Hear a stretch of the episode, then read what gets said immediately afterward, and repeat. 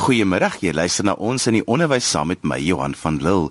Vandag gesels ons oor die rol wat skoolgeboue speel in buurte en gemeenskappe. Hoe dra die voorkoms en benutting van die skoolgronde by tot die ontwikkeling van die leerders? En hoe moet onderwysers, skoolbeheerliggame en skoolhoofde daaroor dink? My gas vandag is Kestel Serfontein. Kestel, jy is as stads- en streeksbeplanner opgelei. Ja, ek is 'n uh, stadsbeplanner. Ek het by Universiteit van Pretoria gestudeer en ook my nagraadse studies daar voltooi. Kestel, kom ons begin en ons sê, hoe moet skoolgronde en geboue inpas by die omgewing? Ehm um, Johan skoolgeboue is nie net opvoedkundige spasies waar kinders 'n kurrikulum moet bemeester nie. Ek glo dat skole ook institusionele geboue is wat in die groter publieke belang is en daarom uh, is skole ook deel van 'n uitgebreide mosaïek van publieke geboue en ruimtes en plekke wat ons lewens op op baie vlakke kan verryk.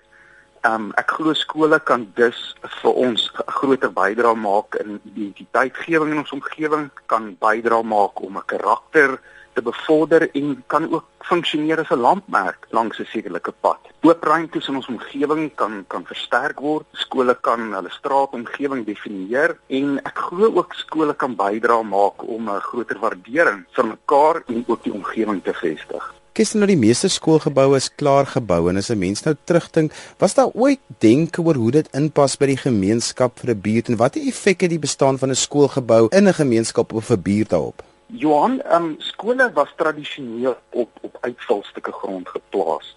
En skole is baie keer maar net die laaste element wat in 'n omgewing geplaas word.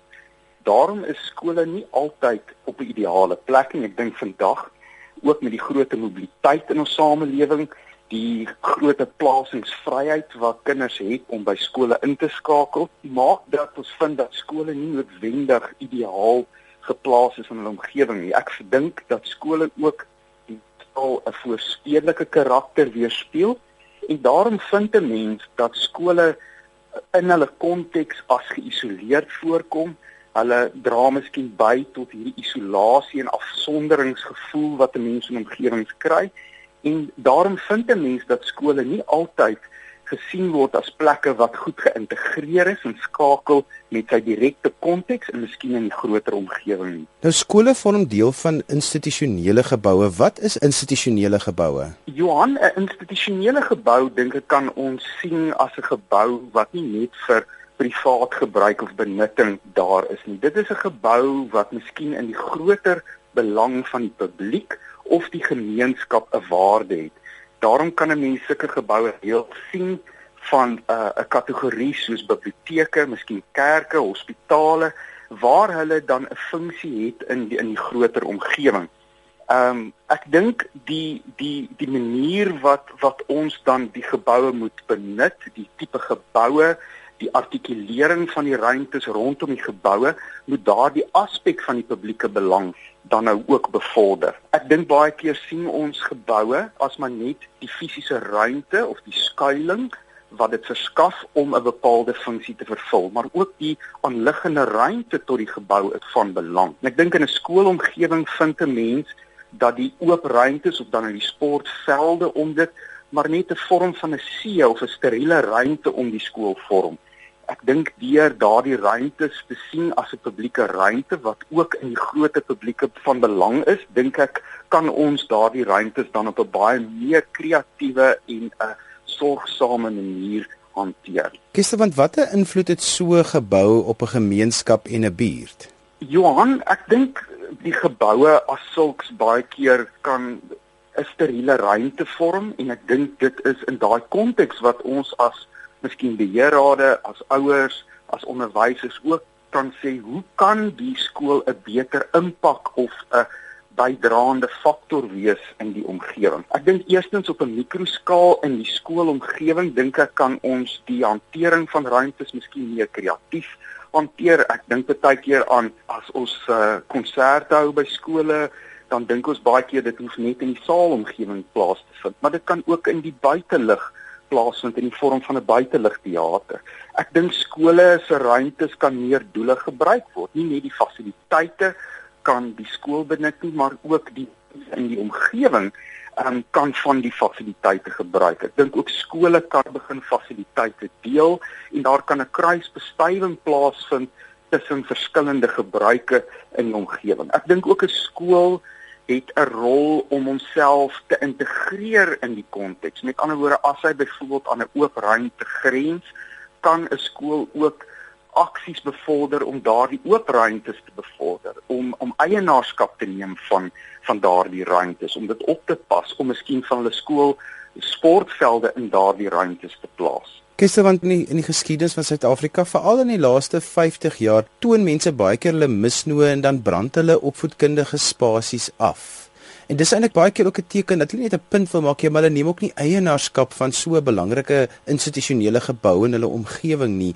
Is daar 'n verklaring daarvoor as mense in hulle in hulle gemeenskap nie eienaarskap aanvaar vir so 'n belangrike gebou nie? Johan beslis, ek dink dit is in in baie gevalle aanduidend van juis daardie gebrek aan aan eienaarskap ek dink dit dui op 'n kultuur dat ons miskien net die geboue sien as 'n tydelike 'n fasiliteit wat vir 'n bepaalde doel net 'n funksie het, maar ons sien nie noodwendig die fasiliteit as deel van daardie mosaïek van publieke ruimtes en infrastruktuur in die omgewing nie.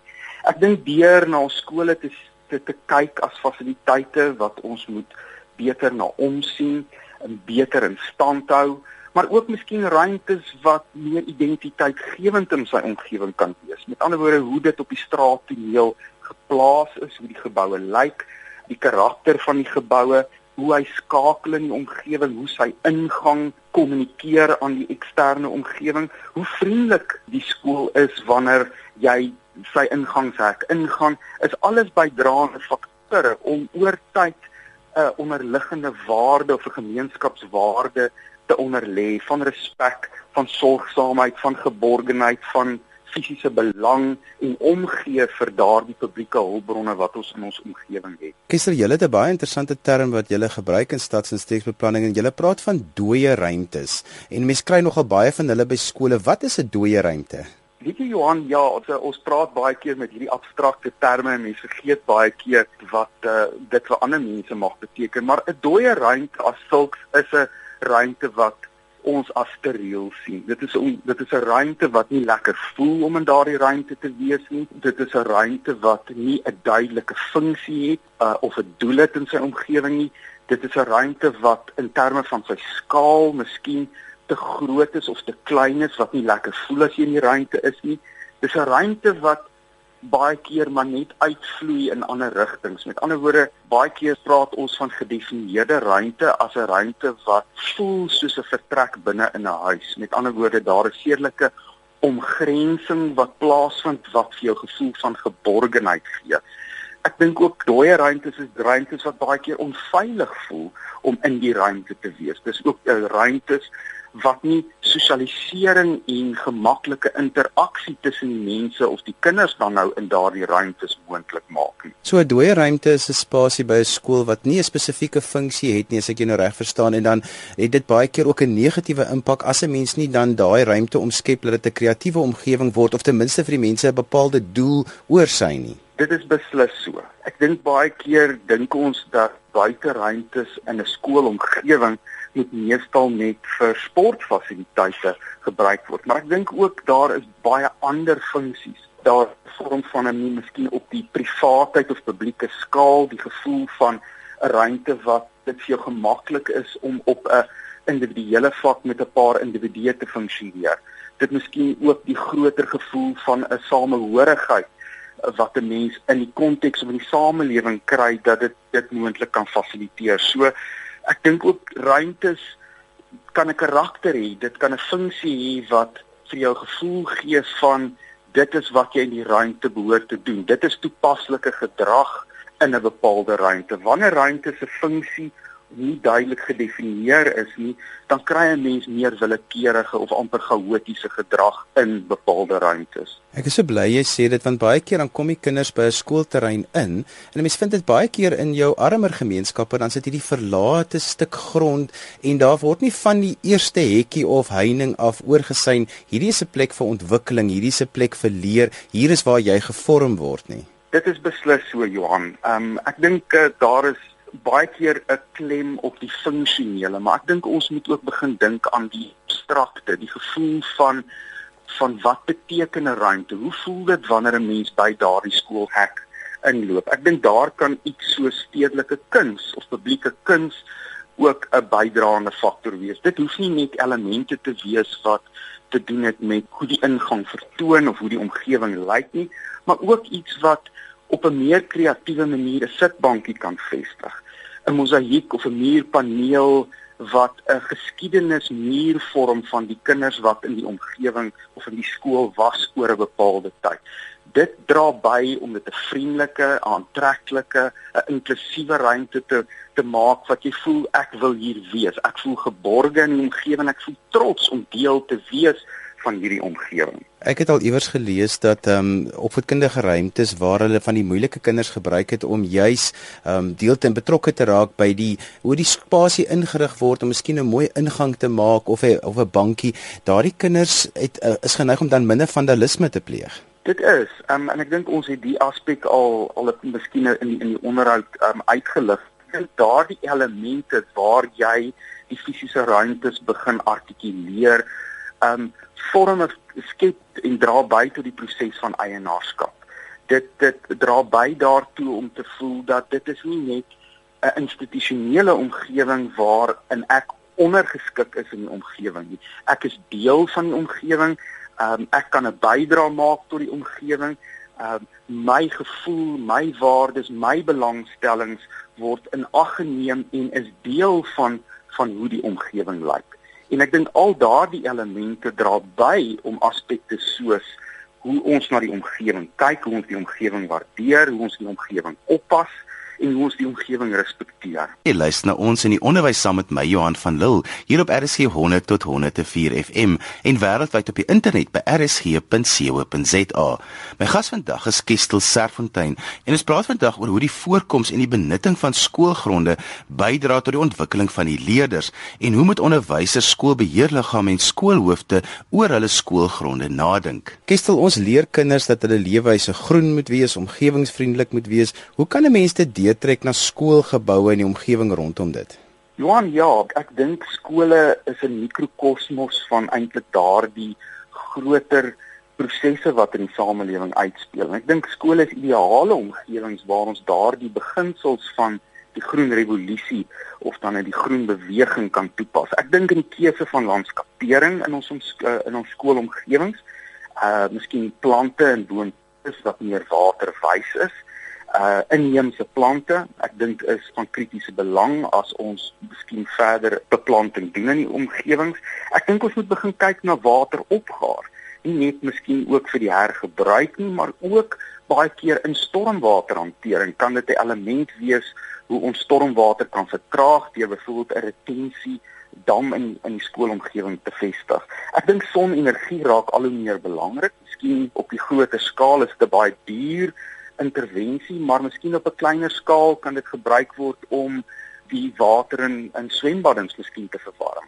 Ek dink ook iets wat uh, vandag eh, 'n uh, rol in dalk in die landelike omgewings van ons waar skole geplaas is ook 'n rol kan speel, is die konsep van eetbare tuine waar die skoolomgewing baie keer dooie ruimtes het en dit kan omgeskakel word in groentetuine maar ook nie net in die konteks van om voedsel te verskaf nie, maar dit kan ook geïntegreer word as deel van die kurrikulum. Dit kan 'n bydrae maak in entrepreneurskapstudies en al daardie elemente op 'n klein mikroskaal word uiteindelik deel van 'n groter sensitiewe waarde wat ons in ons kinders wil vestig as die volgende generasie. Kestel, ons het nou 'n hele land vol nuwe skoolbeheerliggame wat energiek is en wat nou lus het om 'n verskil te maak in die skole vir die volgende 3 jaar. Maar hoe moet skoolbeheerliggame en onderwysers dink oor die gebou waarin hulle elke dag werk want hulle fokus so baie aandag op ander goeie se vergeet baie keer dat die gebou meer as net instandhouding is. Weet jy Johan, ek dink daar's baie faktore en daar's baie moontlike intervensies. Ek dink baie keer ons ons skoolruimtes ehm um, sonder dat ons dit weet in in miskien hoe ons na die fasiliteite kyk, probeer ons hierdie kompeterende gevoel of die die sport uitnemend in ons skole altyd bevorder. En ek dink daar's ander elemente wat wat ook bevorder word in die aan die hantering van projekte en die fasiliteite en ruimte rondom ons skole. Ek dink eerstens die konsep van meerdoelige benutting in die fasiliteite, die die infrastruktuur, die geboue in die skool, ek dink is van belang, maar ook die ruimtes in die, in die, in die skool hoe die sportvelde miskien in sy konteks uh in groter omgewinge bydra kan maak. Ons weet dat kerke baie keer skoolsale gebruik. Ons weet dat iets soos 'n trimpark of 'n buitelug gimnasium baie keer ook goed kan funksioneer in 'n skoolomgewing. Ek dink ook skole kan 'n katalisator word vir seelike publieke infrastruktuur in die omgewing. Ek dink ons het 'n baie motorgeoriënteerde samelewing, maar 'n skool kan ook nie motorgedrewe vervoer, byvoorbeeld voetgangers of fietsryers, ehm um, kan dit daardie beweging in die omgewing fasiliteer. En 'n skool kan met die stadsrade begin onderhandel om die netwerk van voetpaadjies uh fietsrypaadjies in die omgewing te te versterk en uit te wat ook in die groter omgewing of die groter woonbuurt van belang kan wees. Um, ek die skole moet begin dink aan hulle omgewingsvoetspoor, met ander woorde dis die die impak van 'n skool op sy groter omgewing en hoe ons daardie omgewingsimpak tot die minimum kan beperk. Ek dink ook skole moet ons baie keer sien as hierdie dooie en harde ruimtes wat hy vorm met sy omgewing. Hoe kan ons daardie soem of daardie grens met die omgewing versak, miskien oopmaak sodat daar meer oë op die straatomgewing is en daardeur die die omgewing veiligheid kan bevorder. Um en dan dink ek ook miskien daardie ruimtes rondom skole, daardie oop ruimtes, skole is baie keer aan ligging tot sulke dooie ruimtes. Is om skole aan te moedig om miskien eienaarskap te neem van daardie ruimtes en hulle self te begin integreer binne hulle konteks. Kistel, ek wil so 'n bietjie op soos het al so 'n bietjie daan geraak, maar ek wil graag ons so klein bietjie net dit die punt nog 'n bietjie harder dryf as mense hoor so baie van skoolterreine wat verwoes word. Daar's inbrake, die skole uh, sê baie keer die rekenaars is sopas afgelewer geïnstalleer, die volgende dag is dit gesteel en dat gemeenskappe nie trots is op hulle geboue waarin leer moet plaasvind nie. So hoe die skoolgebou en terrein daar uitsien, kan dis 'n direkte invloed hê op die eienaarskap van al die rolspelers wat dit gebruik en hoe mense dit moet verbeter, nê? Nee? Dit is beslis so Johan. Ek dink eerstens deur eh, ek dink ons het die kwessie van van miskien net die algemene instandhouding van skoolgeboue is van belang. Dit betoon as die skool begin agteruit gaan, begin dit ook 'n groter refleksie gee op op die totale uh, omgewing. Met ander woorde die buurt, die woonbuurt, die bepaalde distrik waarin skool hom bevind. Ek dink ek het die hantering van grensmure, miskien die hantering van landskapering Miskien ook die kwessie van ingange tot skoolomgewings. Ek dink dit is miskien 'n klein intervensie wat skole kan aanwend. Maar hoe ons daardie ingange meer vriendelik, uh meer oop, ehm uh, kan maak om om omgewing dit dit meer aantreklik te maak om in hierdie omgewings te gaan. Miskien ook in die toekoms as ons kyk na miskien nuwe skole wat gebou word, die keuse van geboutipes. Ehm um, ons sit tans met baie skoolgeboue wat 'n stereotipe en 'n homogene argitektuur.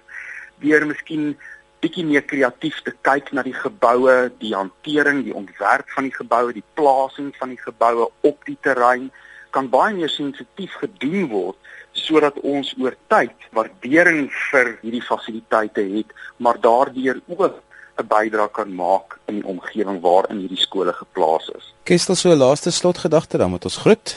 Johan, ek dink skole is is miskien word gesien as suiwer ruimtes waar waar ons ons kinders opvoed en waarin hulle leer, maar ek dink ook skole begin sien as kritiese boustene van ons samelewing waar ons hierdie gemeenskapswaardes op 'n baie vroeë stadium kan onderlê. En ek dink in daai konteks kan skole op hulle mikroskale groot bydrae maak om vir ons 'n samelewing te kweek waar ons samehorigheid bevorder, waar ons 'n trots bevorder, waar ons 'n groter toleransie eens mekaar het, waar ons meer kreatief begin dink en waar ons verstaan dat dat ons nie in totale isolasie leef nie, maar dat ons deel is van 'n groter konteks waarin ons deel is en en waarin ons trots is. Dis dan al waarvoor ons tyd het vandag. Onthou jy kan weer na ons in die onderwys luister as 'n pot gooi. Laai dit af by rsg.co.za. Tik maar net ons in die onderwys in by die soekopsie en al ons vorige programme sal jy daar kan aflaai en jy kan weer daarna luister. My gas vandag was Kestel Serfontein. As jy met hom wil kontak maak, kan jy gerus vir my 'n e e-pos stuur na Johan@wwd.co.za en dan sal ek sy kontakbesonderhede vir jou aanstuur. Onthou van volgende Sondag af skuif ons in die onderwys na 'n nuwe tyd geleef op RSG se programskedule. Die nuwe tyd geleef vir ons in die onderwys van die 19de April af is 05:30 op 'n Sondagmiddag. daarmee groet ek dan tot volgende Sondag 05:30 van my Johan van Lille. Totsiens.